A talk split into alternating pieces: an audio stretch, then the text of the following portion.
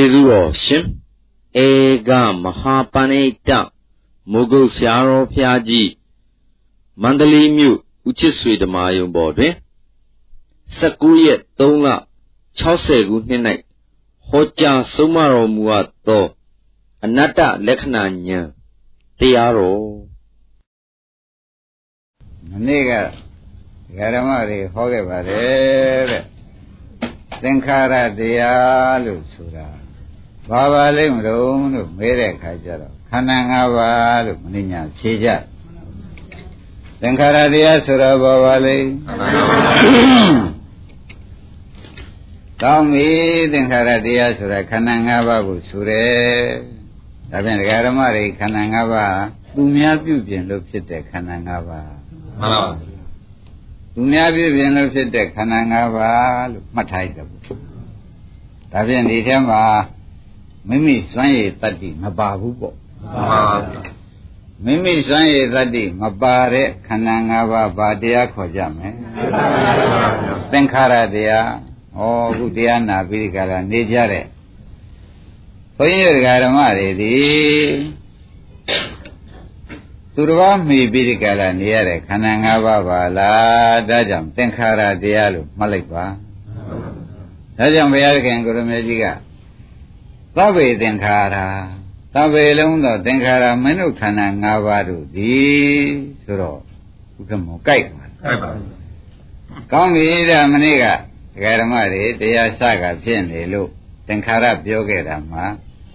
မဆုံးတတ်သေးလို့ဒီနေ့သင်္ခါရတရားကိုအဆုံးပြန်ပြောမယ်ခန္ဓာ၅ပါးဘာတရားခေါ်ကြမလဲ ဩဒါဖြင့်ခန္ဓာ၅ပါးသင်္ခါရတရားဆိုတာတော့သဘောကျတော်ပြီသူပြုပြင်တဲ့တရားကဘယ်နှပါးပါလိမ့်ကံရဲ့စိတ်ကဲဥဒုရဲ့အာဟာရရဲ့ကံစိတ်ဥဒုအာဟာရဆိုတာအကြောင်းတရား၄ပါးလို့ဓမ္မတွေမှတ်ထားကြတယ်ဒီတရားလေးခုကပြုပြင်လို့ပေါ်လာတဲ့ခန္ဓာ၅ပါးလို့မှတ်ထားတယ်ကောင်းပြီဒါဖြင့်ဒီတရားလေးခုက ကံဆိုတာဒီဒကာဓမ္မတို့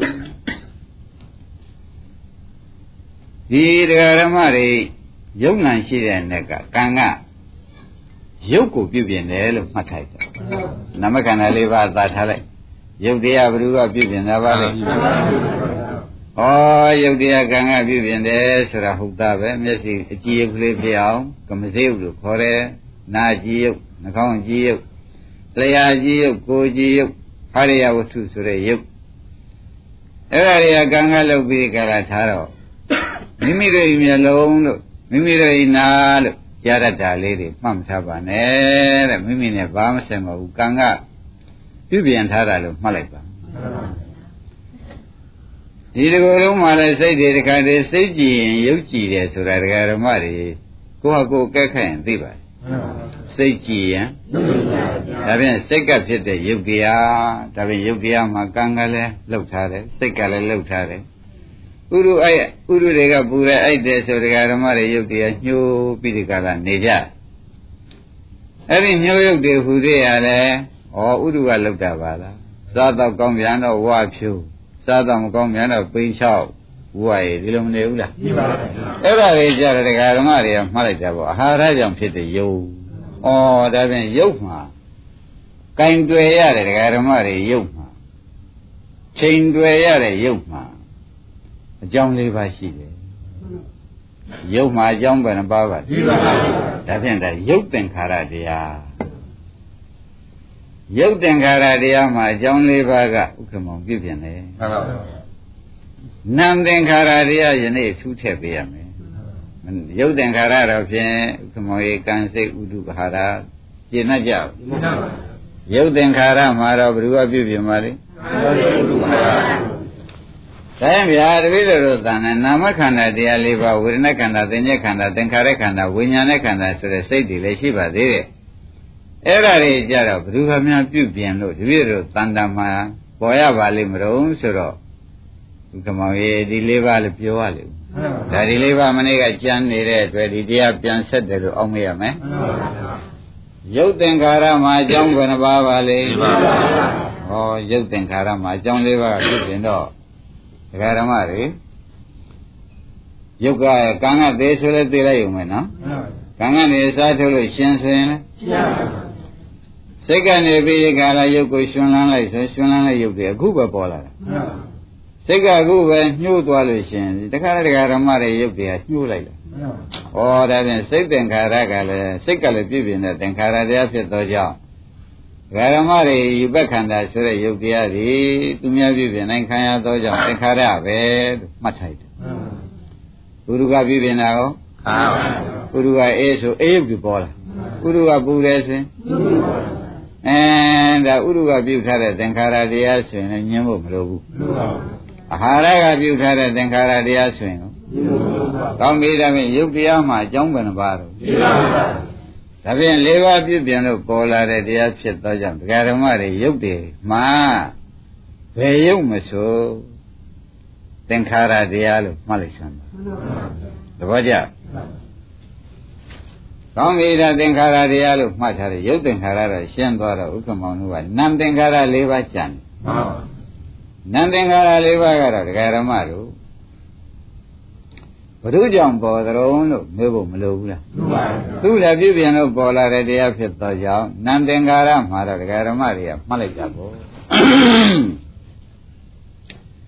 နာမ်ဆိုတာဒီဒကာရမတို့အာယုံ द्वार ကြောင့်ဖြစ်သည်လို့မှတ်ထိုက်တယ်အကျဉ်းချုပ်ပဲလို့မှတ်တယ်အာယုံ द्वार ဒုက္ကမောင်ရဲ့အာယုံ द्वार ကြောင့်တယ် ဥဇာယံတို့အာယုံ द्वार ကြောင့်နော်မှန်ပါဘူးနံလေးတွေပေါ်တိုင်းပေါ်တိုင်းဘုရုကြောင့်ပါလေအာယုံ द्वार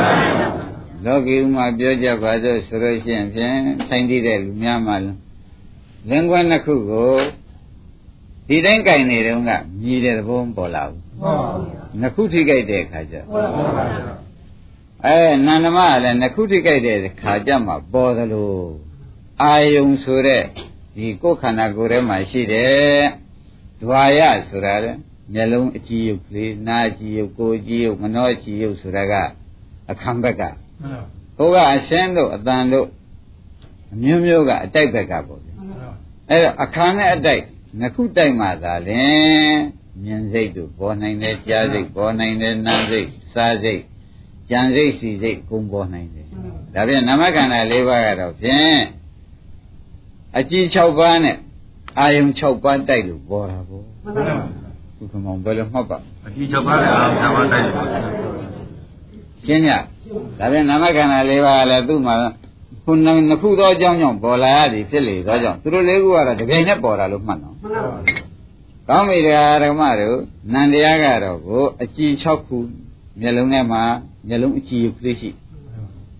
နားအကြည်ရုပ်ကလေးရှိတယ်ဒါလေးတွေရှိလို့ကြားတာနော် နှာခေါင်းအကြည်လျာအကြည်ကိုယ်အကြည်မနှောအကြည်ဆိုတဲ့ဥက္ကမောအကြည်ပဲမျိုးရှိ6မျိုးပါအကြည်6မျိုးနဲ့ပြင်ဘက်ကမျက်လုံးအကြည်နဲ့ယူပါယုံနဲ့တဲ့နေပြီထိခိုက်ပြီဆိုမှဖြင့်မြင်စိတ်ကလေးပေါ်လာမှန်ပါပါမြင်စိတ်နာမခန္ဓာလေးပါထို့တူနာကြည်နဲ့အတန်နဲ့တိုက်တဲ့ခါကြတော့ဇာစိတ်ဇာစိတ်နာမခန္ဓာ၄ပါးလေးပေါ့ဗျာနော်ထို့တူနာနာစိတ်နာမခန္ဓာ၄ပါးလေးစားစိတ် ကိုယ်ပေါ်မှာပေါ်တဲ့စိတ်ဝန်းထဲမှာကြံတွေးစိတ်နာမခန္ဓာ၄ပါးအဲ့ဒါအကြည်နဲ့အာယုံနဲ့တိုက်လို့ကြီးပဲမှတ်လိုက်တာပေါ့ဩော်ဒါပြန်နာမခန္ဓာ၄ပါးလည်းအကြောင်းပဲအကြောင်းပါလေနှစ်ကြောင်းကပြုပြင်လို့ပေါ်တာဒါပြန်ဒကာဓမ္မတို့ဒကာဓမ္မတွေစိတ်ဟာငါစိတ်ပါဖြစ်နေတယ်လို့မပြောတတ်ပါဘူးသားလေးကြီးမြင်နေတယ်သမီးလေးကြီးမြင်နေတယ်လို့ငါစိတ်ဘာမှဖြစ်ဘူးငါစိတ်ကိုလည်းမဟုတ်ဘူး ဟိုသားရီဟူသောအာယုံနဲ့ဒီကမနှောကြည်နဲ့သွားပြီးဒီကလာတဲ့တဲ့အခါမှာသားကိုအောင်းမေးတဲ့စိတ်သမီးကိုအောင်းမေးတဲ့စိတ်ကလေးပေါ်လာဒါရင်နှစ်ခုတိုက်လို့ပေါ်တာပေါ့ဗျာဒါပြင်သူလည်းသူများပြုပြင်လို့ပေါ်တဲ့တရားဖြစ်သွားကြောင်းနာမ်ကိုလည်းသင်္ခါရတရားလို့ပဲဆိုလိုက်တော့ခမောင်ရှင်းမှန်ပါပါဒါပြင်ရုပ်လည်းသင်္ခါရတရားတရားဓမ္မတို့နာမ်ကိုရုပ်ကို နာမ်ကိုအဲ့တော့ဟောဒီသင်္ခါရတရားရုပ်ကလည်းသင်္ခါရတရားနာမ်လေးပါးကလည်းရှင်းကြတရားဓမ္မတွေရှိတယ်ရုပ်နဲ့နာမ်ပဲရှိတယ်ယုံနဲ့နာမည်ရှိတဲ့ယုတ်ကလည်းသူများအကြောင်းလေးပါးကပြုပြန်နာမခန္ဓာလေးပါးကျတော့အကြောင်းနှစ်ပါးကပြုပြန်ဒါပြန်အကြောင်း၄ပါးကပြည့်ပြင်းတာကယုတ်အကြောင်း၂ပါးကပြည့်ပြင်းတာကအဲ့ဒီအခုတရားနာနေကြတာ ယောက်ျားတွေလားမိန်းမတွေလားခန္ဓာ၅ပါးလားနာယုတ်တရားလားလို့မေးရင်ခန္ဓာ၅ပါးနာယုတ်၂ပါးပါဘုရားဆိုယူသဘောကျလားခန္ဓာ၅ပါးနာယုတ်၂ပါးပဲရှိတယ်နာနဲ့ယုတ်ခေါ်လိုက်တော့ဒါကယုတ်ဒီက၄ပါးကနာ၄ပါးနဲ့တင်းနဲ့ပေါင်းလိုက်တော့၅ပါး၅ပါးကျတော့ခန္ဓာ၅ပါးခေါ်လိုက်တာနှစ်ပုံပုံလိုက်တဲ့အခါကျတော့ယုံနံလို့ပုံလိုက်တာပေါ့သဘောကျပြီ ဒါပြန်ခန္ဓာ၅ပါးယုံနံတရားဟာဥပါရင်တို့ဘာတရားလို့ခေါ်ကြမလဲဟောသင်္ခါရတရားယုတ်တရားမှာဘယ်နှပါးကပြုပြင်လို့ပေါ်လာနံတရားမှာတော့နှစ်ပါးဟောဒါဖြင့်ဒကာရမတွေခန္ဓာ၅ပါးယုံနံတရားဒီသင်္ခါရအစုကြီးပါကလားမှန်ပါပါဗျာဘုရားဘယ်နဲ့ဆိုပါသင်္ခါရအစုကြီးနော် ဒကာရမတို့ဘာအစုပါလိမ့်ဟောသင်္ခါရအစုကြီးဆိုတော့ဒကာရမတွေတဏ္ဍာမရှိတဲ့သင်္ခါရအစုကြီးကကိုလုတ်ထားတာဒီထက်ပါမှမပါတော့ပဲမှန်ပါပါပါသေးရဲ့မှန်ပါပါရုပ်တရားတွေမလဲပါသေးရဲ့မှန်ပါပါနံတရားတွေမလဲမှန်ပါပါအင်းဘာတရားဘယ်လိုခေါ်ကြမလဲဒါဖြင့် သင်္ခါရတရားသူများပြုပြင်လို့ပေါ်ထားတဲ့သင်္ခါရတရားဆိုတာမှတ်လိုက်စမ်းပါအဲ့တော့ဘုရားခင်ကိုရမကြီးကဒီသင်္ခါရတရားတွေမင်းတို့တွေကလည်းဆိုလို့ရှိရင်သူများပြုပြင်ထားတာကိုမျက်လုံးကငါပဲနားကငါပဲကြားတဲ့စိတ်ကလေးကငါပဲကောင်းတာလည်းငါပဲဆိုးတာလည်းငါပဲလို့ ဝေဒနာတွေကိုလည်းငါလို့ဒီလိုမဆွဲကြနဲ့ဒါသင်္ခါရတရားသင်္ခါရတရားလို့ပဲထားလိုက်စမ်းပါဒီတဲ့ငါဝမရှုပ်ပါနဲ့ဆိုတာသတိပေးလိုက်သင်္ခါရတရားကိုငါဝမရှုပ်နဲ့သင်္ခါရတရားသင်္ခါရတရားပဲထားလိုက်ငါဝင်ရှုပ်လို့ရှိရင်ဖြင့်ဥပါဒံတက္ကာဒိဋ္ဌိငါဝမရှုပ်ပဲထားလို့ရှိရင်သင်္ခါရတရားပဲငါဝမရှုပ်ရင်သင်္ခါရတရား ဒီဟာတွေကိုငါလို့ထင်လိုက်ရင်အဲ့တော့ဒီနေ့သက်္ကာရဒိဋ္ဌိကိုလည်းဥက္ကမောအစကဖြုတ်ပေးတာပါကောင်းပြီဒါဖြင့်ဘုန်းကြီးတရားဓမ္မတွေခန္ဓာကိုယ်မှာသင်္ခါရအစုကြီးဆိုလို့ရှိရင်ဖြင့်ဒီကတက်တော့လွဲသေးလားလွဲပါဗျာဘုရားရှင်ဘယ်လိုဆိုကြပါ့မလဲသင်္ခါရအစုကြီးသင်္ခါရအစုကြီးဆိုတော့ သူများပြုပြင်ထားလို့ပေါ်နေတဲ့အစုတရားကြီးလို့ပဲဆိုလိုက်ရင်မလွဲတော့ဘူးလွဲပါဘူးကောင်းပြီဒါဖြင့်သင်္ခါရတရားမှန်သိတဲ့ခါကျတော့ဒီတဲ့ငါနဲ့ဆိုင်ငါဆိုင်ငါပိုင်ဆိုတာဒီဥဝမရှုပ်စီနဲ့တော့မှန်ပါပါငါဆိုင်ငါပိုင်သည်မရှုပ်စီနဲ့ဘုန်းကြီးတရားဓမ္မတွေလေးစားစွာနဲ့ပဲဒီဥစ္စာကိုကန့်ကွက်တယ်မှန်ပါပါ ဘာကြောင့်လဲဆိုတော့ဆရာဘုန်းကြီးကရောဖះကရောအခုယုတ်တရားမှလည်းအကြောင်းလေးပါးကပြုပြင်ထားတာဆိုတာသိနေပြီယုတ်တရားမှလည်းနန္တရားမှအကြောင်းနှစ်ပါးကအဲ့တော့ခင်ဗျားတို့ကရုပ်ဟာငါပဲဝေဒနာငါပဲစိတ်ဟာငါပဲသညာငါပဲလို့ဥက္ကမောင်ပြောမရှုံးနေတော့မှန်ပါပါဗျာဓမ္မတို့ဘုန်းကြီးပဲလို့ကန့်ကွက်ပါလေ မရှုပ်စီနဲ့ရှုပ်လို့ရှိရင်ဘုန်းကြီးများကစိုးရင်တယ်တဲ့သူများပြည့်စည်ကိုခိုးယူတာမှန်ပါဗျာသူများပြည့်စည်ကိုခိုးယူရောတရားဓမ္မတို့သူများပြည့်စည်ကိုခိုးယူတယ်ဆိုတော့သူများဆိုတာကဥက္ကမောင်သိပြီယုတ်တရားကိုလည်းပြုပြင်ထားတာ၄ပါးရှိမှန်ပါဗျာအဲ့ဒါသူများကြမှန်ပါပါ မကြဘူးလားနန္တရားကိုလည်းပြည့်ပြင်ထားတာနှစ်ပါးမရှိဘူးအဲသူတို့နှစ်ပါးကပြည့်ပြင်ထားလို့ခိတ္တရာယီပေါ်နေတဲ့သင်္ခါရတရားကိုငါပိုင်ငါဆိုင်ငါမထိနဲ့ငါကိုငါပိုင်တယ်အမလေးကြွားလုံးတွေဝါလုံးတွေကသိများငါကိုငါပိုင်တယ်လို့ဆိုပြီးကငါသွားခြင်းသွားနိုင်တယ်အဲငါအိခြင်းအိနိုင်တယ်ငါစားခြင်းစားနိုင်တယ်အစရှိသည်နဲ့သင်္ခါရတရားမှမသိတော့ငါဝင်ရှုပ်မှန်ပါပါ သင်္ကာရတရားမှမသိတော့မရှုပ်ကြစမ်းပါနဲ့တရားဓမ္မတို့မရှုပ်ကြစမ်းပါနဲ့လို့သတိပေးလိုက်ပါတယ်ဘယ်လိုသတိပေးပါလဲမရှုပ်တော့ပါဘူးခင်ဗျာလို့ဥက္ကမောင်တို့တာဝန်ခံရလိမ့်မှန်ပါပါဗျာပြောတဲ့အရှုပ်မဟုတ်ဘူးထင်တဲ့အရှုပ်မပါဘူးပြောတာကတော့ပြောတာပေါ့ဥက္ကမောင်ရမှန်ပါပါငါသူမှမပြောလို့ရှိရင်ပြောကြမရှိဘူး ပြောတာတော့ပြောပါတော့တကယ်တော့အထင်ဆွဲပြီးဒီကလာမပြောလိုက်ပါနဲ့ဆိုတာကန့်ကွက်လိုက်တယ်သဘောပါကြအကယ်တကယ်ထင်မှတ်ကြံလို့ရှိရင်အခုဆရာဘုန်းကြီးဟောထားတဲ့အော်ယုတ်တရားမှာအကြောင်းလေးပါးကပြုပြင်လို့ပေါ်နေတာနန္တရားမှာအာယုံဒွါရဆိုတဲ့အကြောင်းတစ်ပါးကပြုပြင်လို့ပေါ်နေတာဖြစ်သောကြောင့်ယုံနဲ့နာပဲရှိတော့ဘူးအင်းသူတော်ဘာပြုပြင်ထားတဲ့သင်္ခါရတရားတွေကို ငါတော့ဖြင့်ရှုပ်လို့မတော်တာအမှန်ပဲလို့ယနေ့ဆုံးဖြတ်ချက်ချပါမှန်ပါပါဗျာသဘောကျလားရပါပါဗျာဆုံးဖြတ်ချက်ချပြအောင်ချပါနော်မှန်ပါပါဗျာဘယ်နဲ့ကြောင့်ဒီလောက်ဆရာဘုန်းကြီးကလေးစားစွာနဲ့ဆုံးဖြတ်ချက်ကိုအတင်းချခိုင်းပါလိမ့်မလို့ဆိုတော့ကဘာနဲ့မြေစာဆိုလို့ခင်ဗျားတို့ကခန္ဓာ၅ပါးငါ့ကိုငါအထင်လာကြတယ်မှန်ပါဗျာဒီအကြောင်းတွေမသိခြင်းကြောင့်ငါ့ကိုငါအထင်လာကြတယ်မှန်ပါပါဘုက္ကမောင်သဘောကျကြပါပါဒီအကြောင်းတွေမသိသောကြောင့်မှန်ပါဗျာ အခုတော့ဒီအကြောင်းတွေကိုယနေ့ကမနေ့ကတဝက်သိခဲ့ရတယ်ဒီနေ့တဝက်သိတော့အကြောင်းကဆုံးသွားစုံစုံကြီးသိလိုက်ရတဲ့အတွက်ဥပါရင်ရေတကယ်လို့ခင်မက်ကြံရင်ဒီအကြောင်းတွေပြန်ပြန်တွေးလိုက်စမ်းပြန်တွေးလိုက်သေးတဲ့ပြင်တဲ့ထဲငါကောငါဆိုတဲ့ဒိဋ္ဌိတို့တဏှာတို့ပြုတ်ဖက်ပါအကြောင်းနဲ့တကွသိလို့ချုပ်လို့ရတာနော်မှန်ပါပါ ဘယ်လိုဆုံးဖြတ်ချက်ချကြမလဲအကြောင်းနဲ့တော့သိချုပ်ကြပါဗျာအကြောင်းနဲ့တကွသိပြီးဖြုတ်ရမှာမင်းတို့ယုံနေကြီးကွာမင်းတို့ကမဟုတ်ပါဘူးလို့သမင်းမြတ်ပြောတဲ့တရားနဲ့တွေ့ရင်တကယ်သစ်တို့ကိုမြတ်ရွှေတို့လွဲမနေမှန်ပါဗျာအခုတော့ဖြင့်အကြောင်းတရား၄ပါးကပြုပြင်တာကယုတ်အကြောင်း၅ပါးပြုပြင်တာကနာတပည့်ကြအခုတရားဓမ္မတွေထိုင်နေကြတဲ့ဟာနာယုတ်ပဲရှိချမ်းသာရင်ခန္ဓာ၅ပါးပဲရှိ ကိုယ်ပိုင်ကိုယ်တိုင်များပါကြကိုယ်လောက်ထားတာများပါကြမပါတော့ကြောင့်ဒီထက်မှငါငါဥစ္စာဝင်မရှုပ်လိုက်ပါနဲ့သဘောပါဘာမရှုပ်ပါနဲ့ငါငါဥစ္စာဝင်မရှုပ်ပါနဲ့ဆိုတာကိုကန့်ကွက်တယ်အကယ်၍ဆရာဘုန်းကြီးကမကန့်ကွက်လိုက်လို့ရှိရင်ဒကာဓမ္မတို့ခမည်းတော်ဟာသူများပစ္စည်းရုပ်ဟာလည်းကံစိတ်လူဟာရကပိုင်နေ နာအာယုံဒွါရကပိုင်နေဘုခမောဆိုလိုက်ပြီအဲ့တော့သူတစ်ပါးပစ္စည်းကိုခမည်းတော်ကအတင်းဝင်လူတာနဲ့မတူဘူးလားမှန်ပါဗျာအတင်းဝင်လူလိုက်တဲ့အခါကျတော့ရှိရင်လေတဲ့ဒကာဓမ္မတို့ဒီအမတမမှားပါတယ်မှားလုံးလေးကိုအကွက်ကြကြလေးဥပါရင်ပြောဦး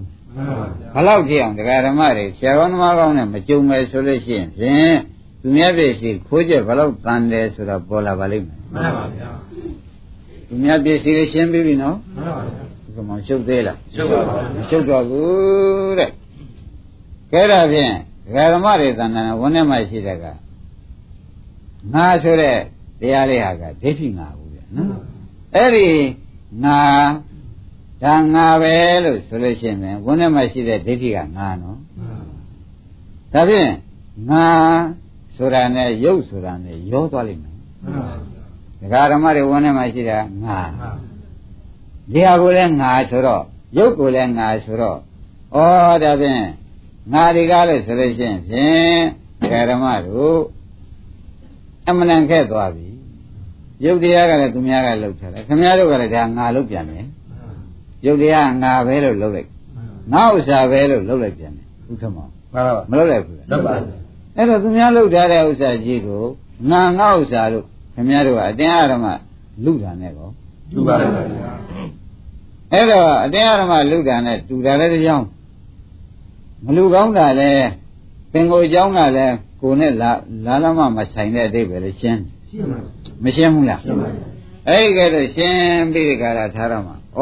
ဒါဖြင့်ခင်ဗျားတို့ဝန်ထဲမှာရှိတဲ့ငါဆိုတဲ့ကဒိဋ္ဌိ ဘယ်တော့မလို့ဥစ္စာဆိုတော့ရုပ်ဟာငါပဲငါဥစ္စာပဲဒီလိုမြည်ကြပါဘူးလူပါပါစိတ်ကလည်းငါပဲငါဥစ္စာပဲလို့မြည်ကြပါဘူးလူပါအဲ့ဒါဒကာဓမ္မတို့ငါကဒိဋ္ဌိငါဥစ္စာကယုတ်ဟာဘုခမောင်လွဲကုန်ပြီမှန်ပါမလွယ်သေးဘူးလားငါကဒိဋ္ဌိအဲ့ဒီဒိဋ္ဌိကဒီဥစ္စာယုတ်တရားကိုသူကငါပဲငါဥစ္စာပဲလို့ဥပါဒင်ဆွဲလိုက်တယ်ဆွဲလိုက်တော့ ငါရိဥသောတခုဝင်ခိုးတာမသေးကြဘူးသိပါပါဗျာအဲ့ဒါတတ္တဝါတွေအပယ်ရောက်ရတာသူမဆိုင်တာကိုဝင်ပေးတဲ့ကာလအုပ်စည်းကျင်တဲ့အတွက်ခိုးမှုကြောင့်အပယ်ရောက်ရတယ်ဒါပြန်ဒိဋ္ဌိကတခုမှန်ပါပါရှင်းမလားသိပါပါဒိဋ္ဌိကဘာပါလဲသဘောပါဗျာဒိဋ္ဌိကတခုဆိုတာသိကြပါလားသိပါပါသူများလှုပ်ထားတဲ့ပစ္စည်းကိုသူကငံငေါ့စာဝင်လောက်လိုက်တဲ့အတွက် တခိုးခိုးတတ်တဲ့ဒိဋ္ဌိကြောင့်ဒကာရမတွေဟာအပယ်ရောက်ရတယ်ဒါဖြင့်ဘုကမောင်ရေအပယ်ရောက်ခြင်းအကြောင်းယနေ့ပေါ်သွားမှန်ပါပါသူတစ်ပါးလှုပ်ထားတာကိုမခုံးဘူးငံငေါ့စာလို့ခိုးပြီးတော့ကြောင့်ဒကာရမတွေဘာဖြစ်ရသိပါပါဗျာဒါဖြင့်ခင်ဗျားတို့ဒီတတန်နေရာလုံးကဒီခိုးမှုကြီးကတင့်လာတော့ အပယ်မှန်နေရတာများတယ်ဆိုတာယနေ့သိကြတော့မှန်ပါပါသိကြကြပါလားသိပါပါတတန်နေရာလုံးငါငေါ့စာပဲဥပါဒင်တို့ဒကာတစ်တို့ကိုမြတ်ရှိတို့ထင်းလာကြတယ်မှန်ပါပါဘယ်တော့မှလည်းမပြုတ်ခဲ့ဘူးမှန်ပါပါပြုတ်ခဲ့ရလားသိပါပါမပြုတ်ခဲ့တော့တန်တရားမှာဒီလူတွေဟာသူတော်ပစ္စည်းခိုးမှုတွေဟူသောအပြစ်တင်သောကြောင့် ခိုးပြစ်တဲ့ပုဂ္ဂိုလ်ပဲသွားရတာလေသေချာပိဋကလာနေသောကြောင့်ဩတို့ဒီကားလို့ဆိုလို့ရှိရင်ဖြင့်အမြင်မှားကြောင့်ပဲရောက်ရတယ်ဆိုတာလဲမှန်တာပါမှန်ပါပါသူတော်ပစ္စည်းခိုးမှုကြောင့်ပဲရောက်ရတယ်ဆိုတာမှန်ပါပါဗျာအမြင်မှားလို့လည်းခိုးလိုက်တာမှန်ပါသဘောကျပါဒါဖြင့်ဒကာရမတို့တတ္တဝါတွေအမြင်နေတာဘယ်မှာတဲ့ဆရာဘုန်းကြီးဟောတာသိပါပါဗျာ ဘယ်နဲ့ကြောင့်အပယ်မှာနေရသရုံးဆိုတဲ့မေးထုတ်လိုက်တဲ့အခါစစ်တန်းထုတ်လိုက်တဲ့အခါကြတော့မှဥဝါတို့ပေါ်လာမှန်ပါပါတတန်တရားလုံးသူများပြည့်စည်ကိုခိုးခိုးလာကြတယ်ဗျမှန်ပါပါဆိုလိုက်ပါသိပါပါဘယ်ဘဝလွတ်ခဲ့သရုံးတော့အမေးထုတ်ရင်မှန်ပါပါဗျာဒါဖြင့်လူပြည့်တက်လာလိုက်ခိုးလိုက်ဟုတ်လားနတ်ပြည့်တက်လာလိုက်ခိုးလိုက်အပယ်ရောက်လိုက်တက်လာပြန်အပယ်ကနှစ်ရှိလို့ပြန်တက်လာပြန်ဒီအခိုးဝါဒနာမစွန့်တဲ့အတွက်ပဲပြန်ရောက်အောင်မှန်ပါဗျာ အပယ်ပဲပြန်ရောက်ရမယ်ဆိုတာသိကြကြသိပါပါဗျာဩဒါဖြင့်ဒကာဓမ္မတွေဒီဘဝမှာဒီဒိဋ္ဌိတွေဥသောတခိုးခမည်းတော်ရှင်းပေးမဲ့လို့မလာလို့ရှိရင်ဖြင့်ခိုးမြဲပဲခိုးနေဦးမှာမှန်ပါပါဥစ္စာရင်တော့ရှင်းမှာရှင်းပါပါဒိဋ္ဌိတခိုးကသိကြကြသိပါပါဗျာကောင်းပြီဒါဖြင့်တတ္တဝါတွေမြင်နေတာဘယ်မှာတဲ့တို့သိပါပါဗျာဒါဖြင့် ကြတဲ့မကြတဲ့လည်းကဲခတ်ကြပါဦးသာပါဗျာဥပါရင်သေချာကဲခတ်ကြသူများပစ္စည်းကိုခိုးတဲ့ဥစ္စာဗျာမကြဘူးဆိုရမှာပြစ္ဆုတ်ပန်တောင်ရာဇဝတ်တင်သေးတာဥက္ကမောင်ကြီးမှန်ပါပါတန်တရားမှတန်တရားဖြစ်တင်ရမယ်မရမသိမှန်နဲ့ဆိုလို့ရပါပါဒကာဓမ္မတွေလေးလေးစားစားမှတ်ပါဒိဋ္ဌိအပယ်ချပုံဟာခင်ဗျားတို့ကအော်မှားလို့အပယ်ကြတယ်ဆိုတာမှားပုံကိုကိုယ့်ကွယ်ကုန်းပေါ်ပြောနေပါတယ် ဒီတော့မှားလို့ပယ်ကြတယ်အမြင်မှားလို့ပယ်ရောက်တယ်ဒါတော့တော့သိကြတယ်အခုကတော့အမြင်မှားပြီးတဲ့ကာလသူသူဟာပိုင်လုပ်တဲ့အတွက်လဲဥက္ကမောပယ်အပယ်ရောက်မှန်ပါပါအမြင်မှားပြီးသူဟာပိုင်မလုပ်တဲ့ဘူးလုပ်ပါငါကောင်ကလုံးမပြစ်လိုက်ဘူးလားအဲငါကောင်ကလုတ်ပလိုက်တာက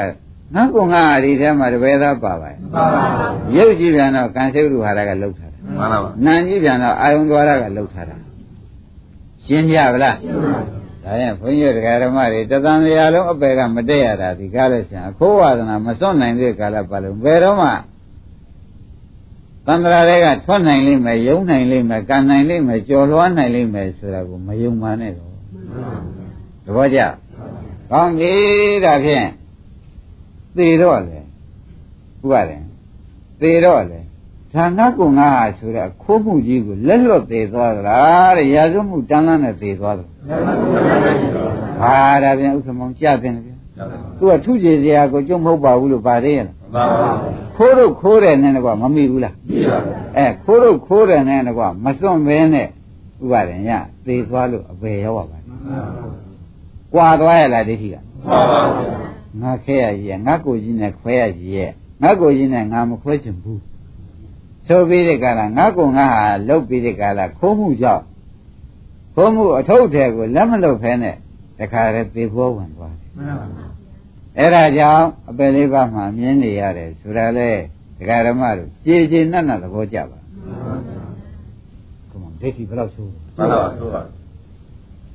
အဲကိုမြတ်ရှိတို့ကောင်းကောင်းကျင့်တတ်ပါလားမှကျင့်တတ်ပါဗျာဩ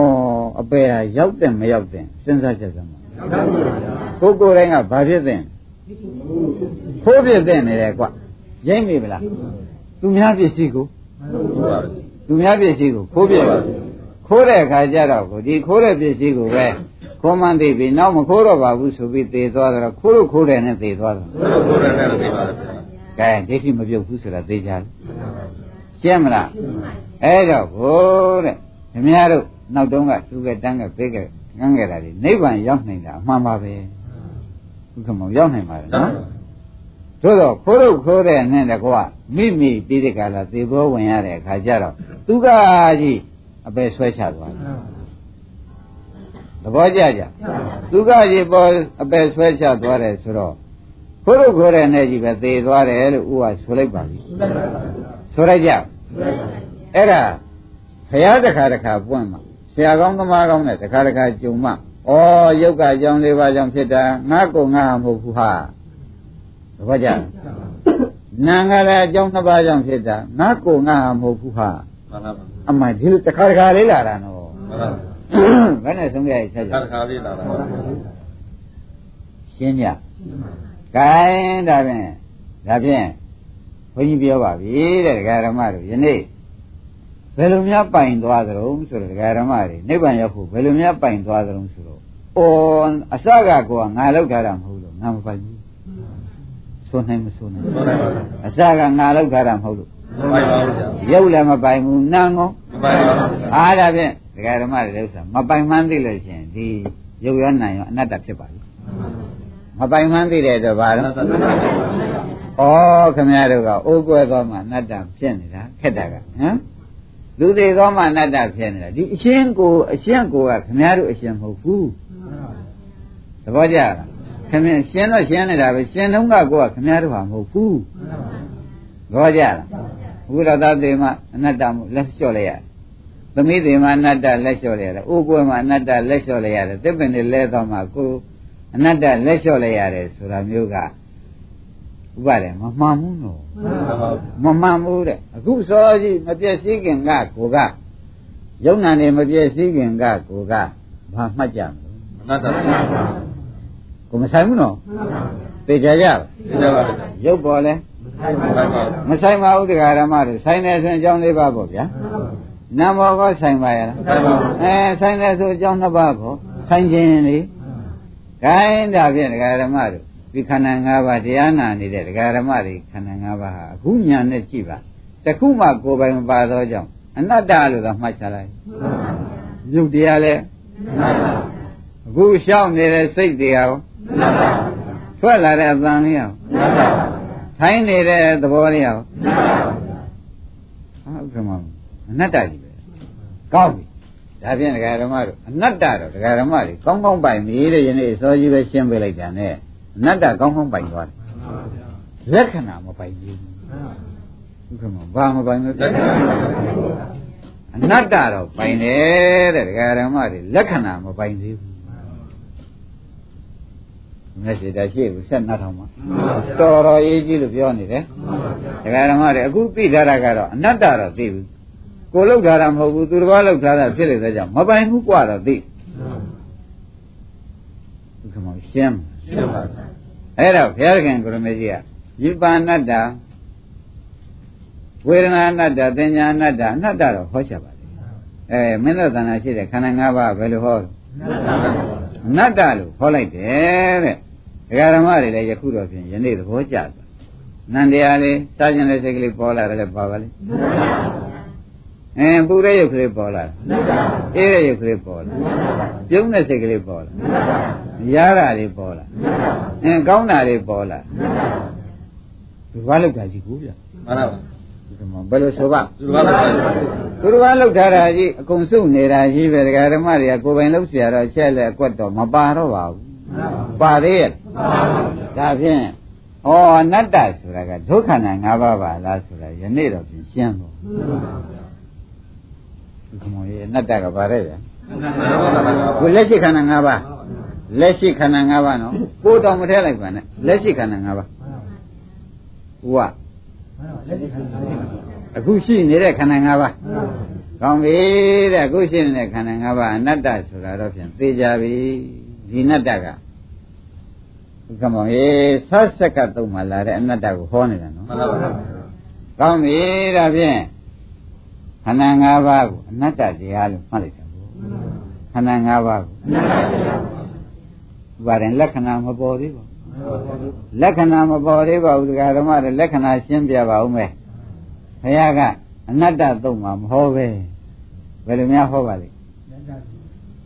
အနတ္တလက္ခဏာသုံးလို့ဟောတယ်ဘယ်လိုဟောပါလိမ့်အနတ္တသုံးလို့ဟောကုန်မဟုတ်ဘူးတပည့်ကြဘယ်လိုဟောပါလိမ့်ဒါဖြင့်သူတို့ကအနတ္တတပိုင်းပဲသိသေးတယ်ဥပါဒင်တို့ကလက္ခဏာမသိသေးဘူးဘုရား ကျေနပ်ပလားဒါသေချာစစ်ထုတ်တာပဲတရားဓမ္မတို့မသိမရှိအောင်ပဲတခါတည်းဒီနေ့နာရတဲ့တရားဓမ္မတွေကိုဩဒုက္ခနဲ့ငါးပါးအပြောဒုက္ခနဲ့ငါးပါးနော်အရှိကတော့ဖြင့်ကိုယ်နဲ့ဘာမှမဆိုင်တဲ့အနတ္တသဘောတက်တဲ့ဧကံပါပဲဆိုတာပေါ်ကြပါလားဒါဖြင့်တရားဓမ္မတို့ဥက္ကမရှိတစ်ဆင့်တက်တော့မယ်မှန်ပါဗျာဘယ်တက်မယ်ဆိုတာတရားဓမ္မတွေရေးမိကြပါတော့လက္ခဏာပြတော့မယ် သဘောကျလားကောင်းပြီဒါဖြင့်တရားဓမ္မတွေအိုးဘ누구လောက်တုံးလို့မဲလို့ရှိရင်ဖြင့်ဒကာဓမ္မတို့အိုးဘ누구လောက်တုံးဆိုလို့ရှိရင်ဖြင့်အိုးဖြစ်လာအောင်ရေထက်တဲ့အခြေအနေအောင်ခိုင်းလာအောင်အင်းမိကလုပ်တယ် မှန်ပါပါ အိုးဘ누구လောက်ပါလဲ မိရပါ ဒါကြောင့်လည်းအိုးဖြစ်လာခဲ့တယ်နော်ဒီလူကဆိုတာကတော့ဖေးကမကပါတကယ်တမ်းလူကြည့်တတ်တဲ့နဲ့ ဥပါရင်အိုးဖြစ်နိုင်မှာတကယ်ခိုင်ကန့်တည်တောင်းလောက်လာတာဘယ်သူကလောက်တာမိရပါကောင်းပြီဒါဖြင့်အိုးကိုမိကလောက်မိကလောက်ပြီးဒီကာလဒီအိုးဒီကားလို့ဆိုလို့ရှိရင်ဖြင့်တဲ့မိဒီဟုသောအကြောင်းကလှုပ်ထားသောကြောင့်အိုးဖြစ်လာတယ်အိုးဒီကားလို့ရှိရင်ဖြင့်မျိုးဖြစ်လေသောကြောင့်အဲလေတိုက်လို့သောကောင်းလွတ်ကြရသောကောင်းအဲနေဘူးမိုးရွာနဲ့ ဆမ်းမြကြီးနေဘူးလုံးအကြီးလို့အဲ့ရသောကောင်းအဲရေနဲ့ထိသွားလို့ပျော်ရသောကောင်းဆိုတော့လားလိမ့်မယ်မှန်ပါပါမလားပဲဒါပြန်သူများလှုပ်ထားသောကြောင့်ဒကာဓမ္မတို့အနတ္တဖြစ်လေသောကြောင့်သူဒီမခိုင်တဲ့သဘောတစ်ခုခုပြောပြလိမ့်မှန်ပါပါပြောမတော့ပဲပြောသွားတဲ့အခါကျတော့မှဩငကိုရှိတုန်းကအနတ္တသူ့ပင်ကိုယ်သဘောစွန့်သွားတော့မှလက္ခဏာရှိနေတုန်းက သူ့သဘောလေးစွန့်သွားတော့ဩဒါဖြင့်အနတ္တကိုသိုံနဲ့မပြီးသေးဘူးလက္ခဏာရောက်မှသာဖြင့်နေရကြတော့မယ်သဘောပါကြပင်ကိုယ်ရှိနေတုန်းကတော့ခန္ဓာ၅ပါးပင်ကိုယ်ရှိနေတုန်းကတော့ဘယ်လိုမှတ်ကြမလဲမှန်ပါဖြားဆိုရုပ်ကလေးကလည်းပျက်စီးသွားတယ်စိတ်ကလေးကလည်းအခုပေါ်အခုပျက်စီးသွားတယ်ပျက်စီးသွားတဲ့အခါကျတော့ဘာပေါ်လာလဲ အော်ဖြစ်တုန်းကတော့အနတ္တပြက်သွားတော့ဩဒါနှစ်ခုပေါင်းမှသာတယ်အနတ္တနဲ့လက္ခဏာနဲ့ဟာပြည့်စုံဘုခမောမှန်ပါပါဗျာနှစ်နှစ်ခုပေါင်းမှပြည့်စုံတစ်ခုတည်းသိတာတော့အနတ္တပဲသိမှန်ပါပါနောက်ကြတော့သူအနတ္တလက္ခဏာကိုသူပြလိုက်ကျုပ်ဟာခမည်းတော်မပိုင်ကြောင်းကိုရှင်းတယ်ရှင်းအောင်ပြပါဦးမယ်ဆိုပြီးနန်လေးကလည်းဖြတ်ဆိုပြောက်ပြက်သွားရုပ်ကလေးကလည်းရှော က်ပါပြောက်ပြက်သွားတဲ့ခါကျတော့ဒကာဓမ္မတွေကဩငကူကလည်းမပိုင်တာမပိုင်တဲ့သဘောလောလောကြီးပေါ့မယ်ပြောသွားတယ်ဆိုတဲ့အဓိပ္ပာယ်မရဘူးလားရပါဗျာငကူကလည်းပါတော့မပိုင်ပါဘူးငကူကမပိုင်တော့ဘူးကြည်ရင်မှတ်တတ်တယ်ပဲမပိုင်တဲ့သဘောကိုရှင်းတယ်ရှင်းအောင်ဓမ္မကပြောသွားတယ်နင်းဘယ်သူကပြောတော့ဓမ္မဗျာဓမ္မပြောသွားတော့ဥက္ကမောင်တို့ကခေါင်းချင်းရမှန်ပါပါဩအနတ္တလည်းဟုတ်ပါပြီတယ်လက္ခဏာလည်းစိုက်ပါပြီတယ် သူ့လက္ခဏာလည်းပြပါပြီတယ်မှန်ပါပါမနဲ့ဆိုကြပါသူလက္ခဏာပြပါဗျာအနတ္တလည်းဟုတ်ပါပြီတယ်မှန်ပါပါလက္ခဏာကလည်းရှင်းပါပြီတယ်အနတ္တလက္ခဏာမရှင်းသေးဘူးလားပင်ကိုရှိနေတော့ကပါတဲ့အနတ္တအဲနောက်ကြတော့ဒကာဓမ္မတို့ကိုယ်စိတ်ကလေးကစားကျင်တဲ့စိတ်ကလေးဖြတ်ဆိုပြောက်သွားအိတ်ကျင်တဲ့စိတ်ကလေးကဖြတ်ဆိုပြောက်သွားအဲပေါ်လာတော့ကအနတ္တပေါ့ဗျာနောက်ပြောက်သွားတဲ့ခါကျတော့လက္ခဏာပြအဲလက္ခဏာပြသွား လက္ခဏာပြသွားတော့မှဥက္ကမောင်တို့ကဥပါရင်တို့ကညံလေးနဲ့ခေါင်းကြီးကမ်းမှန်ပါပါအနတ္တလက္ခဏာကဖြင့်ကွာအနတ္တပေါ်လေယုံပါရဲ့လက္ခဏာပေါ်မှာလဲတကယ်ကိုပဲဆုံးဖြတ်ချက်ချနိုင်ပါရဲ့သဘောကျအနတ္တဆိုတာလေရုံးပါလေဗျာလက္ခဏာလို့လေစိတ်ကစိတ်စားနေပါသူ့လက္ခဏာကလည်းမှန်လိုက်တာဘုရုသဘောဘုရုအကြိုက်သူလိုက်သေးတယ်မလိုက်ပါဘူးနန္ဒမယုတ်ဓမ္မကလေ မြေသူသဘောမြေသူအကြိုက်မှာတခါသူကိုမြတ်ရွှေတို့လိုက်သေးရဲ့အဲ့ဒီမလိုက်တာကသူ့လက္ခဏာပြောတာဒါဖြင့်ဒကာဓမ္မတို့အနတ္တနဲ့လက္ခဏာကိုကွဲပါဘူးဘုရားမောင်တို့ဆိုသိကြီးရေးကြည့်ပါဗျာဒကာဓမ္မတွေရေးမကြည့်တဲ့နေ့မပါဘူးနော်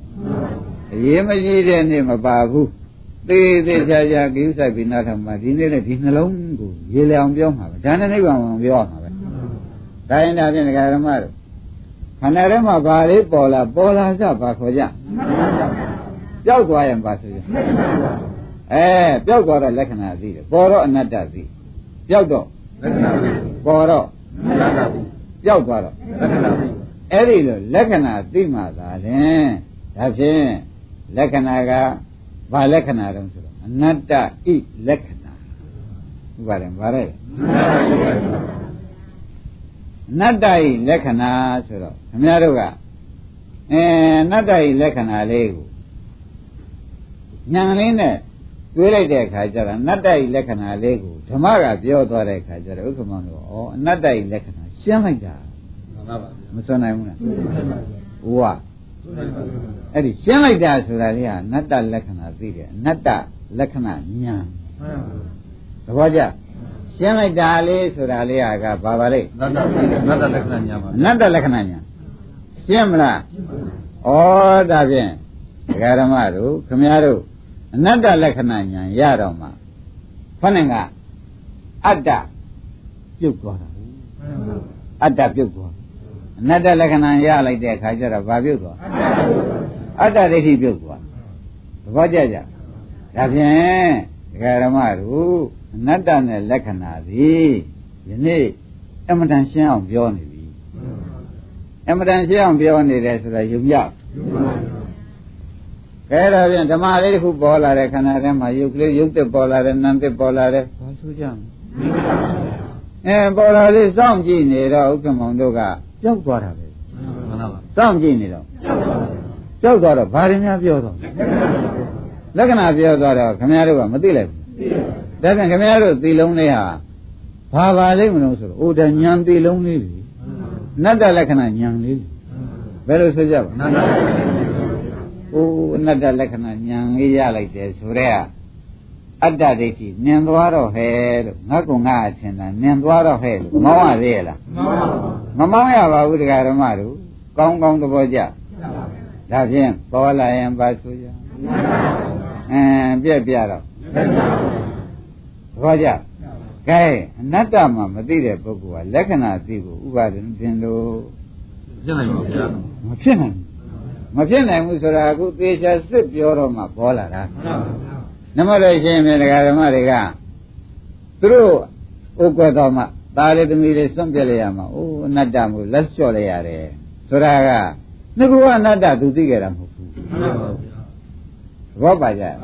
ငါကကောပါတယ် အနတ္တပါဗျာငါကကောကခန္ဓာ၅ပါးဗာတရားအနတ္တပါဗျာအဲ့တော့သူတို့ကသေမအနတ္တမို့မတတ်နိုင်လို့စွန့်လိုက်ရတယ်ဆိုတော့ငါကအတ္တရှိတယ်သူမှန်ပါပါဒါပြန်အတ္တကအတော်ရှည်နေပြီပြည့်ပါမရှိဘူးလားဟိုတကယ်တမ်းဒေါမနတာနဲ့ဆွန့်လိုက်တော့မှအနတ္တမှုလက်လျှော့လိုက်ရတယ်ဆိုတဲ့ဥစ္စာကြတော့သူဒီအနတ္တမသိပါဘူးမသိတဲ့အတွက်လက္ခဏာကိုလည်းမသိတဲ့အတွက်တခါတည်းမြေကြမြေကြပြီးစိတ်ထဲဒေါမနတာတွေဖြစ်လာ မကျင်တာဘာသုံးနေသုံးပြီးမမေ့နိုင်တဲ့ဒေါမနတာအကြီးဆုံးဖြစ်လာအဲ့ဒါဘာမသိတာတုံးဆိုတာရိပ်မိတယ်အနတ္တတုံးကလည်းမသိခဲ့ဘူးလက္ခဏာပြတော့လည်းဒါဖြင့်ခင်ဗျားတို့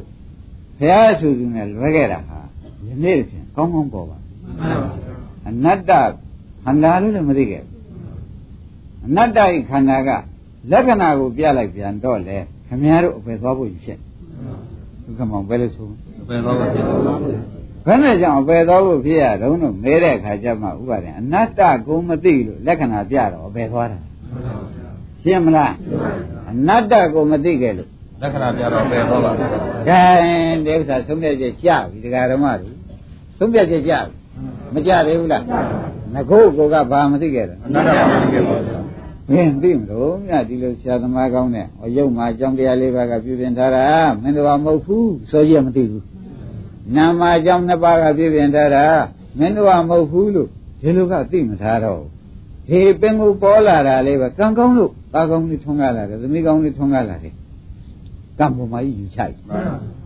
တပည့်ကြကံပေါ်မှာယူချလိုက်တဲ့အခါကျတော့ကမ္မဝါဒီဒိဋ္ဌိဖြစ်သွားတယ်ဒီကံကြီးဖြစ်ပြန်လဲရတာလားဆိုတော့ဒီကလေးယုံနာမှာဥပါဒံ၄ပါးမနေလား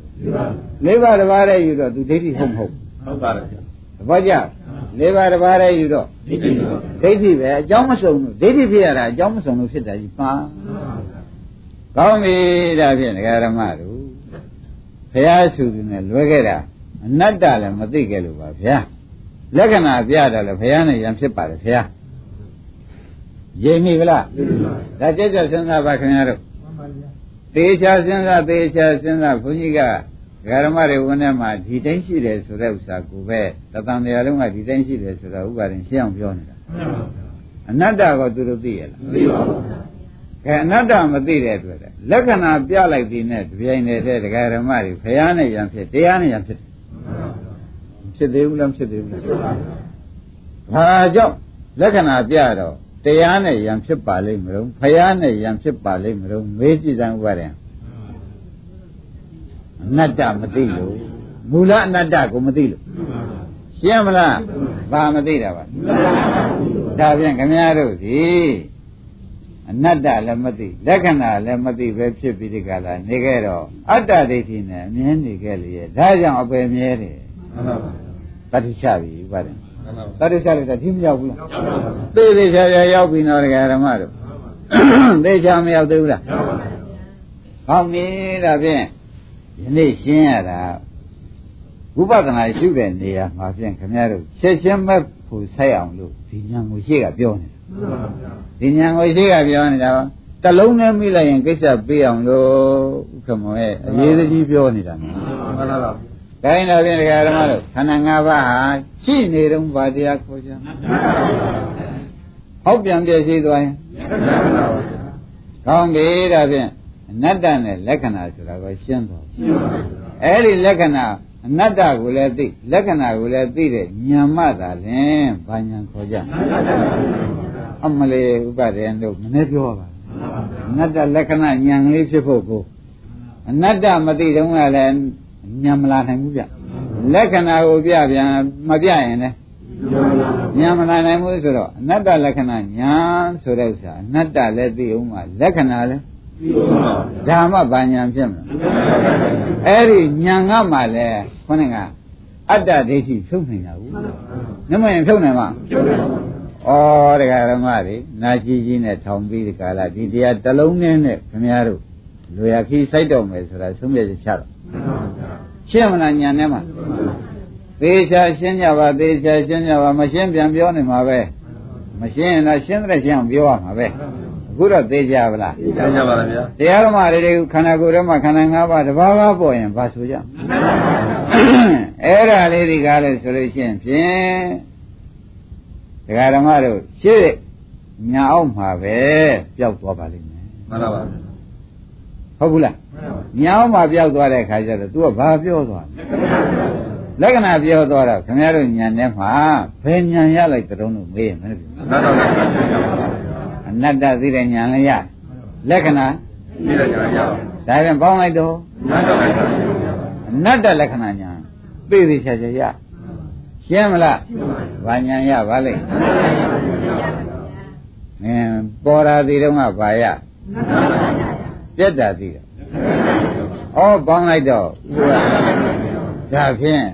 အနတ္တလက္ခဏာညာရောက်ချင်လို့ရှိရင်လေခန္ဓာတစ်ပါးတစ်ပါး ဤဖြစ်မှုနဲ့ပြတ်မှုကမပါရင်မပြီးဘူးပေါ့ဗျာဥပါရင်ပြီးပါမပြီးဘူးဆိုတာသဘောကျကဲနောက်ဆုံးမိတ်ကြတာဖြစ်ဖြစ်ပဲပြောင်းဝင်တာပဲဥပါကြီးကျေနပ်ဗလားသိပါပါကောင်းပြီဒါဖြင့်ဒီတဲ့ရှင်းအောင်ဘုန်းကြီးကပြောပါဦးမယ်အခုတော့ဖြင့်ဒကာဓမ္မတွေအနတ္တလက္ခဏာညာလေးတစ်ခုဖြင့်ဝေဒနာလေးကြည့်လိုက်ပြန်ဝေဒနာပေါ်လာရင်အနတ္တပျောက်သွားရင် မြင်လိုက်တာလေးကညာဘာညာခေါ်ကြမလဲနတ္တလက္ခဏာညာဖြစ်သွားပြီဆိုတော့သိကြပါလားကောင်းပြီဒါကဆရာဘုန်းကြီးကရှင်းတယ်ရှင်းအောင်ပြောတာခရားကမင်းတို့ဒီဒီတဲ့ရှင်းအောင်ငါပြောမယ်ဆိုပြီးဆောက်ဆက်ကတုတ်ကြပြန်တော့ဥဥက္ကမောင်လာပြန်ပြီမှန်ပါဗျာဆောက်ဆက်ကတုတ်ကဘယ်လိုများလာလိုက်တုံးဆို တော့ခေါဒီကံဆိုတာလဲစေတနာမဟုတ်လားတကားတော့သူ့ကိုယ်ကနန္ဒမဖြစ်နေသောကြောင့်အတိတ်ကနန္ဒမဖြစ်နေသူ့ကိုယ်ကနတ္တမှုသူကပြည့်ပြည့်နာဘယ်လိုဆိုကြနတ်တာဟောဒါပူရှင်းပြီမရှင်းဘူးလားအကြောင်းအနတ္တမို့ဘယ်လိုဆိုကြမလဲဟောသဘောကျပြီနော်အကြောင်းအနတ္တမို့ဒါဖြင့်တရားဓမ္မတို့ခမည်းတော်ကအကြောင်းသူပြုပြင်တဲ့ အခုတရားနာနေကြတဲ့ခန္ဓာ၅ပါးရှိပါတယ်သူပြုပြင်တဲ့အကြောင်းကိုကဘာတွေလဲဩဒါဖြင့်အကျိုးတရားကခိုင်းခြင်းမြဲခြင်းတည်ထန့်ခြင်းလို့ပဲရပါဘယ်နဲ့ဆိုမလို့ဒါဖြင့်အကျိုးတရားကိုနတ်တာဒါဖြင့်ဒီသင်္ခါရတရားကြီးဘယ်နဲ့ဆိုကြအောင်နတ်တာသဘောကျတော်တော်ပေါ်သွားပြီဥက္ကမပေါ်ဗလားမှန်ပါဗျာဥပဒေပေါ်ဗလား အကြောင်းကိုကပါပါလဲဒါဖြင့်ကျွတ်တို့ကထိုင်နေတဲ့ယုံနာကြီးဘာခေါ်ကြပါအနတ္တပဲဆိုတာသိကြပါလားကဲဒါဖြင့်အနတ္တဟုတ်တယ်မဟုတ်တယ်ခဏလေးစောင့်ကြည့်လိုက်ရင်ဘာတွေများပြောမှချင်းညာလက္ခဏာသေချာပြောတော့မယ်ပြောပြီဘူးလားရတဲ့နေရာလေးတရားဓမ္မတွေကအဲရတဲ့နေရာဝေဒနာခန္ဓာလေးပေါ်တယ်စောင့်ကြည့်နေကြဖြတ်စုပြောက်သွားတယ်ပြောက်ဘူးလားအဲရတာကအနတ္တ ရတာကိုရရင်လည်းရတာလားအကြောင်းအတိုက်ဆိုင်လို့ရတာအဲဟိုဖုဒ္ဓဘာယုံဆိုတဲ့ရရတဲ့မြေမှုန့်တို့ဘာလို့နဲ့ထိလို့ရရတဲ့ဝေဒနာလေးပေါ်လာတာကိုယ်လုတ်တဲ့ဝေဒနာဟုတ်ပါရဲ့ဟုတ်ပါဘူးအဲစောင့်ကြည့်နေလို့လည်းပျောက်သွားပျောက်သွားတော့ငကိုပေါ်တော့ကအနတ္တပျောက်သွားတော့လက္ခဏာသဘောကျဒါဖြင့်ခင်ဗျားတို့မှဘယ်ဉာဏ်ရလိုက်ပါလိမ့်နတ္တလက္ခဏာဉာဏ်ရလိုက်တော့ဘိုးတဲ့ ဒကာရမတို့ပဋိစ္စသမုပ္ပါပြတ်တယ်ကဲရှေ့ကြည့်ကြပါပဋိစ္စသမုပ္ပါပြတ်ပုံရှင်းပြလိုက်နော်ဟောဒီခန္ဓာ၅ပါးကိုဘာခေါ်ကြမလဲဒကာရမတို့နတ္တပြတ်သွားရင်လက္ခဏာလက္ခဏာအဲ့ဒီအနတ္တနဲ့လက္ခဏာကိုနှစ်ခုစလုံးသိတာလေးကိုဘာခေါ်ကြမလဲအနတ္တလက္ခဏာညာ လို့ဆိုပြီးဒီကအနတ္တလက္ခဏာညာဆိုတာဒကာရမတွေမှတ်လိုက်ပါတော့မဂ္ဂင်၅ပါးပါပဲဒီခန္ဓာ၅ပါးတစ်ပါးပါးကိုအနတ္တလက္ခဏာညာပေါ်အောင်လုပ်ရမယ်ဆိုတာကမဂ္ဂင်ပေါ်လာတယ်သဘောကျဘာပေါ်လာမဂ္ဂင်ပေါ်လာတယ်ဆိုတာကောင်းကောင်းသိကြပါဩဒါဒီကားလို့ဆိုလို့ရှိရင်ဖြင့်မဂ္ဂင်ထဲမှာလဲ ဥပဒေငါကြည့်လိုက်စမ်းကိုမြတ်ဆွေတို့ကကြည့်လိုက်စမ်းမဂ္ဂင်ထဲဘယ်သူကောင်းဆောင်နေဆုံးဆိုသမာဓိတိကောင်းဆောင်သမာဓိတိကောင်းဆောင်နေတော့ခေါင်းကအနတ္တလက္ခဏာဉာဏ်ထဲမှာသမာဓိတိကကောင်းဆောင်တယ်ဆိုတော့မသိကြဘူးလားငကူကငါ့ကိုငါအလုံးနေတာမိစ္ဆာဒိဋ္ဌိကကောင်းဆောင်อืมငကူတော့ကတော့ခန္ဓာ၅ပါးငါ့ကိုငါအလုံးတော့ကအခုတော့သမာဓိတိကောင်းဆောင်တယ်ဆိုတဲ့ကမိစ္ဆာဒိဋ္ဌိဟာလောဘနဲ့တွဲနေတော့ လောဘနဲ့တွဲနေတဲ့ဒိဋ္ဌိဟာဒီနေရာမှာဒိဋ္ဌိတဏှာမပြုတ်ဘူးလားဒါဖြင့်တဏှာပြုတ်တော့တဏှာနောက်ကလေးတဲ့ဥပါဒံကံနေအဲဘယ်နဲ့ကြောင့်ပြုတ်ပါလိမ့်မလို့ဆိုတော့အိုးတမာဒိဋ္ဌိမဲ့ခင်၅ပါးပေါ်လာလို့ဝိပဿနာမဲ့ခင်ပေါ်လာလို့ရှင်းကြလားဘာပေါ်လာပါလဲမှန်ပါဗျာဒါဖြင့်ပြိဿသမုပ္ပါပြတ်မပြတ်ဘယ်ကစပြတ်သလုံးဆိုတော့ဒိဋ္ဌိနဲ့ရောနေတဲ့တဏှာကစပြတ် ဘုရားမဘယ်ကစပြတ်ဒီနေ့ရောသမားပါဒိဋ္ဌိနဲ့တဏှာနဲ့လည်းတွဲရမဟုတ်လားအဒိဋ္ဌိကတသံယုတ်လောဘသကတံဒိဋ္ဌိကတသံယုတ်တံလို့သိနေရတဲ့ပုဂ္ဂိုလ်များလူတိုင်းသိပါလားလောဘနဲ့ဒိဋ္ဌိကတွဲရပါကွာအဲ့တော့ဒီလောဘဒိဋ္ဌိကပြတ်မသွားဘူးလားပြတ်သွားတော့ဥပါဒံကရောညပါအဲဥပါဒံရှိမှလာမဲ့ကံကရောသာပါမလာတော့ဘူးဆိုတော့ဩအနတ္တလက္ခဏာဉာဏ်သည်ဒိဋ္ဌိကိုဖြတ်တယ်လို့ဆိုတာကိုသိကြပါဘူး တဏှာလည်းရောပါသွားလေရဲ့ကောမှန်ပါဗျာဆိုနိုင်ကြရင်ဟုတ်လားဩဒါဖြင့်တမင်ညမဟုတ်ပါလားဆိုတဲ့ဥစ္စာဒကာရမတွေရှင်းသွားတယ်ဩတကယ်ပြိဿသမုပ္ပါဒကယ်ပြတ်ပါလားဆိုတော့ကိုယ်သွားရလန်ခီကြီးကိုယ်စိတ်စဉ်တန်းကြီးဒါကြီးကိုဘယ်နဲ့ဒီစဉ်တိုင်းသာဒိဋ္ဌိမပြတ်ရင်ဒီစဉ်တိုင်းသွားပြီးဒီကာလပဲလေးပါကြအောင်မခန္ဓာတွေပေါ်ပြီးဆင်းရမှာဖြစ်နေတာကြီး ယခုတော့ပြန်ရှင်းကြီးရှင်းသွားပြီလို့ဒကာဓမ္မတွေဆိုနိုင်ကြ။ဒါင်းဒါဖြင့်ဥက္ကမောရေပရိစ္ဆာသမုပ္ပါပြမပြချိန်ကြစမ်းပါဦးပြပါပါဗျာ။ဘယ်ညာကဖြတ်လိုက်ပါလိမ့်နတ်တက်ပါဗျာဗျာ။ဒါင်းဒကာဓမ္မတွေအနတ္တတလုံးကောင်းရင်နိဗ္ဗာန်ရောက်ပါတယ်ကွာလို့ပြောတော့အပေါ်ယံဖြစ်နေခုတော့အနတ္တလက္ခဏာညာကပရိစ္ဆာသမုပ္ပါဖြတ်လိုက်တယ်ကွာဆိုမှဟောတန်တရားပြတ်ဖို့ဆိုတော့ သိကြတော့မှန်ပါပါမသိကြဘူးလားပြပါပါဗျာအမှန်တန်ဗုဒ္ဓံတော်ပြီဒကာဓမ္မတို့မတန်သေးဘူးလားကောင်းပြီဒါဖြင့်ပရိစ္ဆာသမုပ္ပါပြောင်းလုပ်နိုင်တာဖြင့်အနတ္တလက္ခဏာညာဆိုတာဖြင့်ဘုရားသေးကြပါလားဒါဖြင့်ဒါသင်္ခါရတရားရှင်းပိုင်းက၅ပါးဗာတရားတွေကြာ အဲ့ဒီသင်္ခါရတရားတွေဟာဘယ်တော့မှမြဲတယ်မရှိဘူးဆိုတော့ပျက်စီးတာကြီးပဲမနေဘူးလားအဲ့တော့သင်္ခါရတရားလို့သိထားတော့ကအနတ္တညာရပြီအနတ္တရသွားပြီမှန်ပါပါပြစ်တာလေးသိလိုက်တော့အနတ္တလက္ခဏာညာရသွားဒါဖြင့်အနတ္တသိတာလည်းညာလက္ခဏာသိတာလည်းညာပဲတဲ့ဒကာဓမ္မတို့အဲ့ဒီညာသည်ဘာကို နှိမ်နှင်းဖြစ်စည်းလိုက်ပါလိမ့်မလဲမေးတဲ့အခါကျတော့မာပရိစ္ဆေသမုပ္ပါအလေကဖြတ်ပါတယ်ခရားလို့ဆုံးဖြတ်ချက်ချဘယ်လိုဆုံးဖြတ်ချက်ချတရားတရားတက်ပါဗျာအဲဒိဋ္ဌိတဏှာအစဖြတ်လိုက်တယ်သဘောကျတခါပရိစ္ဆေသမုပ္ပါအစကလည်းဖြတ်ပါတယ်ခရားလို့ဆိုရင်လည်းအဝိသမာဓိဋ္ဌိကဝိဇ္ဇာဖြစ်သွားပြန်တယ်ဒါပြန်ပရိစ္ဆေသမုပ္ပါအစကလည်းပြတ်အလေကလည်းပြတ်ပြီးဖြစ်လေသောကြောင့် ဒကာဓမ္မတို့နိဗ္ဗာန်ဆူတောင်းတဲ့ရှုတာနေရဆူတောင်းနေတော့ဥပါဒံဆူတောင်းရင်လည်းမလိုပါဘူးတဲ့အဝိဇ္ဇာချုပ်လည်းရှင်လည်းဝိဇ္ဇာဥဒ္ဒဘာတိဖြစ်တာပဲသဘောကျလားကောင်းပြီဒကာဓမ္မတို့ဒါပြန်အနတ္တလက္ခဏာညာဟာဖြင့်သင်္ခါရတရားကိုသိမှအနတ္တလက္ခဏာညာဟာပေါ်မယ်သင်္ခါရတရားမသိရင် နတ်တက်ပါဗျာပေါ်ပါပါအဲသင်္ခါရတရားသိတော့မှသူများလှုပ်ထားတာကိုလို့ငကိုကသိထားတော့မှဩအဲ့ဒီကအနတ္တသိမှန်ပါပါနောက်သင်္ခါရတရားကသူများလှုပ်ထားတာမို့မခိုင်လို့ပြက်သွားတဲ့ခါကျတော့မှလက္ခဏာသိဒါဖြင့်သင်္ခါရကိုမသိဘဲနဲ့အနတ္တလက္ခဏာသိဖို့အရေးဟာဖြင့်မရှိဘူးလို့မှတ်လိုက်မှန်ပါပါဗျာပေါ်ကြပါလားသင်္ခါရသိမှနော်မှန်ပါပါအနတ္တလက္ခဏာသိနိုင်တယ်စကားတော့ဖြင့်တခြားစီပဲလို့သင်ရင်သင်ကြမယ်ပေါ့ဗျာ သို့တော်လည်းကိုမြတ်ရှိတို့ဒကာသစ်တို့ပဲစဉ်းစားလို့သင်္ခါရမသိဘဲနဲ့အနတ္တသိပါတယ်ဆိုရင်အလကားပြောတာဥက္ကမဘယ်လိုဆုံးမဲ့ချာစကားပြောတော့ဗျာမဖြစ်နိုင်ယုံရောယုံမလားရုံပါပါ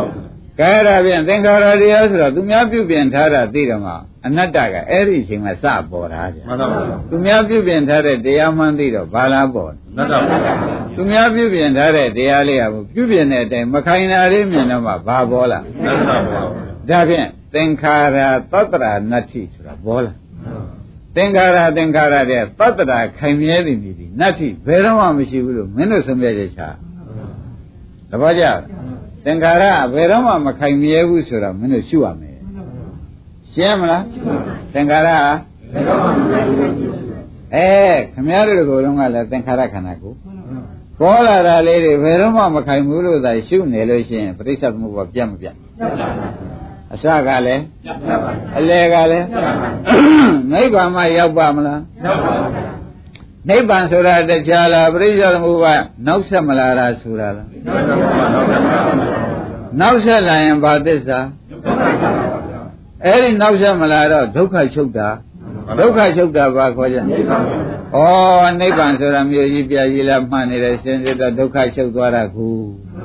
ဘယ်လိုဆုံးမဲ့ချဒုက္ခချုပ်သွားတာပါဒုက္ခချုပ်သွားတာကိုဆိုတာကောင်းကောင်းရှင်း납ဗလား